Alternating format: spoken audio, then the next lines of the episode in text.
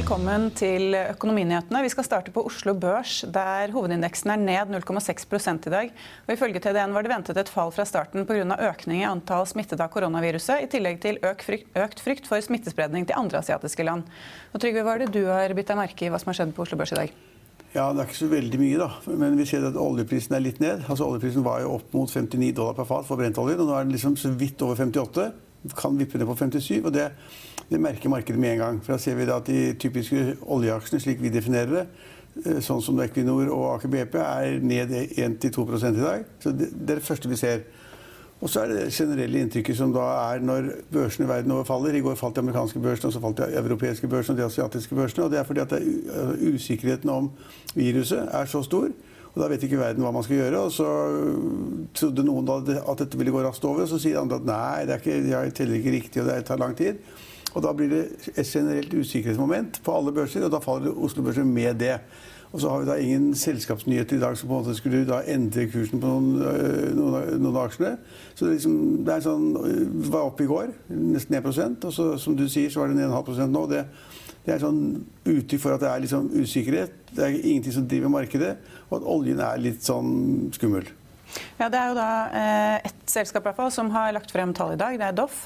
Ja. Eh, og der var jo eh, driftsresultatet endte på nesten 750 millioner kroner i fjerde kvartal, mot eh, 493 året før.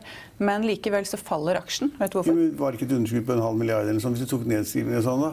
Jo, men underskuddet var likevel mindre i år, ja, altså, fjor enn året før, da. Doff ligger elendig an. Altså. De har ja. veldig dårlig balanse, og de driver med refinansieringsgreier, og, så det er veldig dårlig selskap. Ja, så du tror de har problemer? For det er vel noen lån som de skal uh, få en løsning på? Nå. Ja, altså, de er i reforhandlinger, og de tap, har tapt penger som skjorta. og det er kjempeskummelt å være. De er i olje- og servicemarkedet. Det er et dårlig marked. Kan, man kan ikke snakke seg bort fra det. og det, ja, det er dårlige greier. Og, så det er en av taperne. Uh, men taperne, den største taperen er jo Havyard, altså verftsgruppen. Verft er en elendig business, stort sett.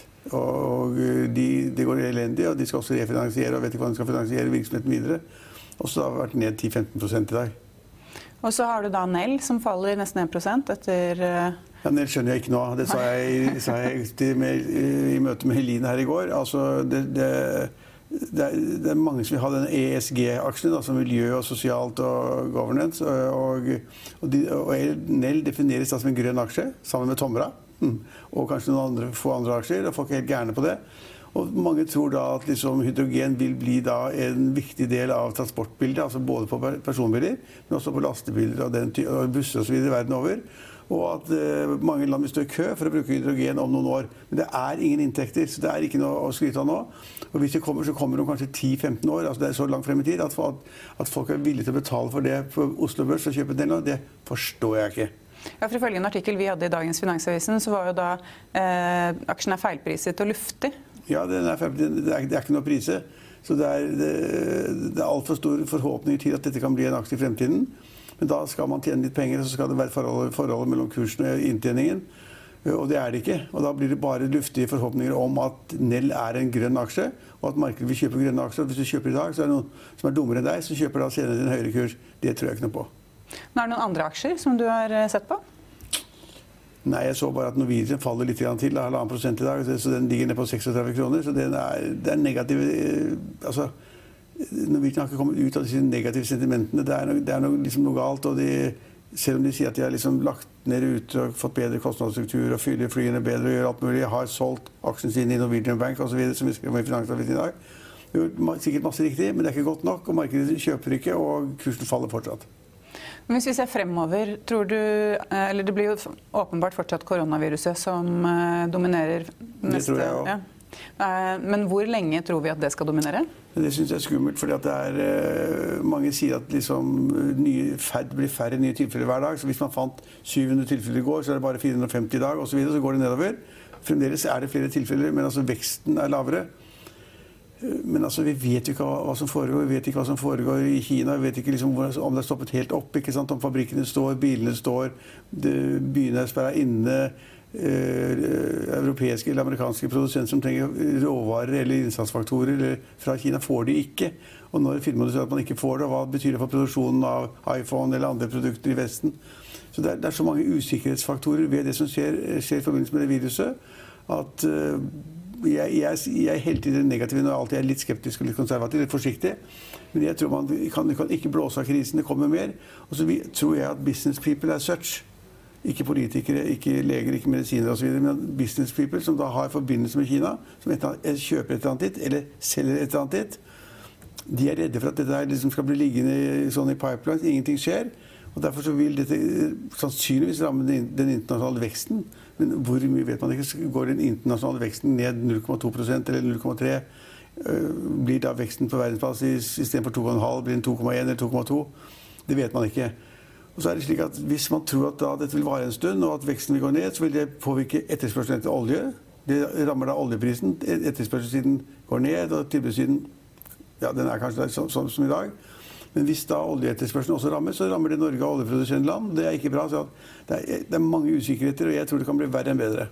Men det rammer jo da også flere valutaer, sånn som kinesisk eh, valuta? Ja, jeg kan ikke akkurat... Nei, jeg mener japansk. Ja, ja, også, som har vært en trygg havn frem til nå? Ja, men kan, kan si at nå er kronen veldig, altså svekker seg igjen, da, og, og særlig mot dollaren. Dollaren er veldig sterk. og Det er jo et eksempel på at uh, selv om det er mye rart som skjer i USA, da, med presidentvalg og kandidatene og debatten og alt det der, så ser folk på USA som en sikkert trygg havn for tiden. De har Trump der. Han gir skattelettelser, han passer for at det blir en lav rente, økonomien er sterk, arbeidsledigheten går ned, det bygges masse flere boliger osv. Så, videre, og så, så folk føler at USA det er stedet man skal være hvis det er litt uroligheter i verden og man vet ikke hvor lenge virussaken varer. Og så kjøper man da dollar istedenfor eh, andre valutaer. Så selger man svake små valutaer, marginalvalutaer, som norske kronen. Og da, Hvis da usikkerheten vedvarer i verden, så vil da dollaren bli enda dyrere. Nå er den på 9,36 eller noe sånt mot, mot, kroner. Da vil dollaren styrke seg enda mer, og norske kroner kan da svekke seg mot dollaren.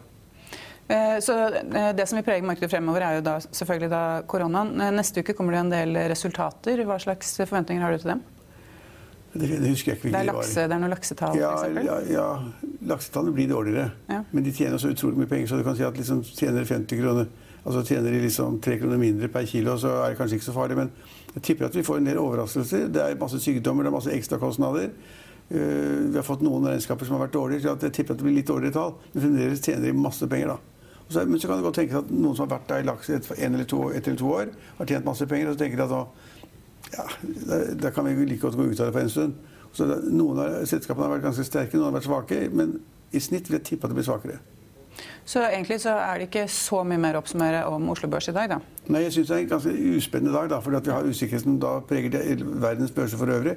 Men det er ikke noe spennende nytt i, i selskapene. og det er liksom, Oljeprisen er, ja, den teller litt, som jeg sa, men den teller ikke mye. Vi skal liksom falle til altså Hvis oljeprisen skulle falle fra da 58 dollar per fat, da, som det ligger omtrent på nå, til liksom 54-55-56, så begynner det å bli litt skummelt. Ja.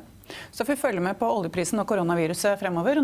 Og husk også å kjøpe Finansavisen i helgen. Dagens nummer kommer med et stort premiumbilag, og i morgen er det mye godt lørdagslesestoff. Og vi er tilbake mandag klokken halv fire. God helg.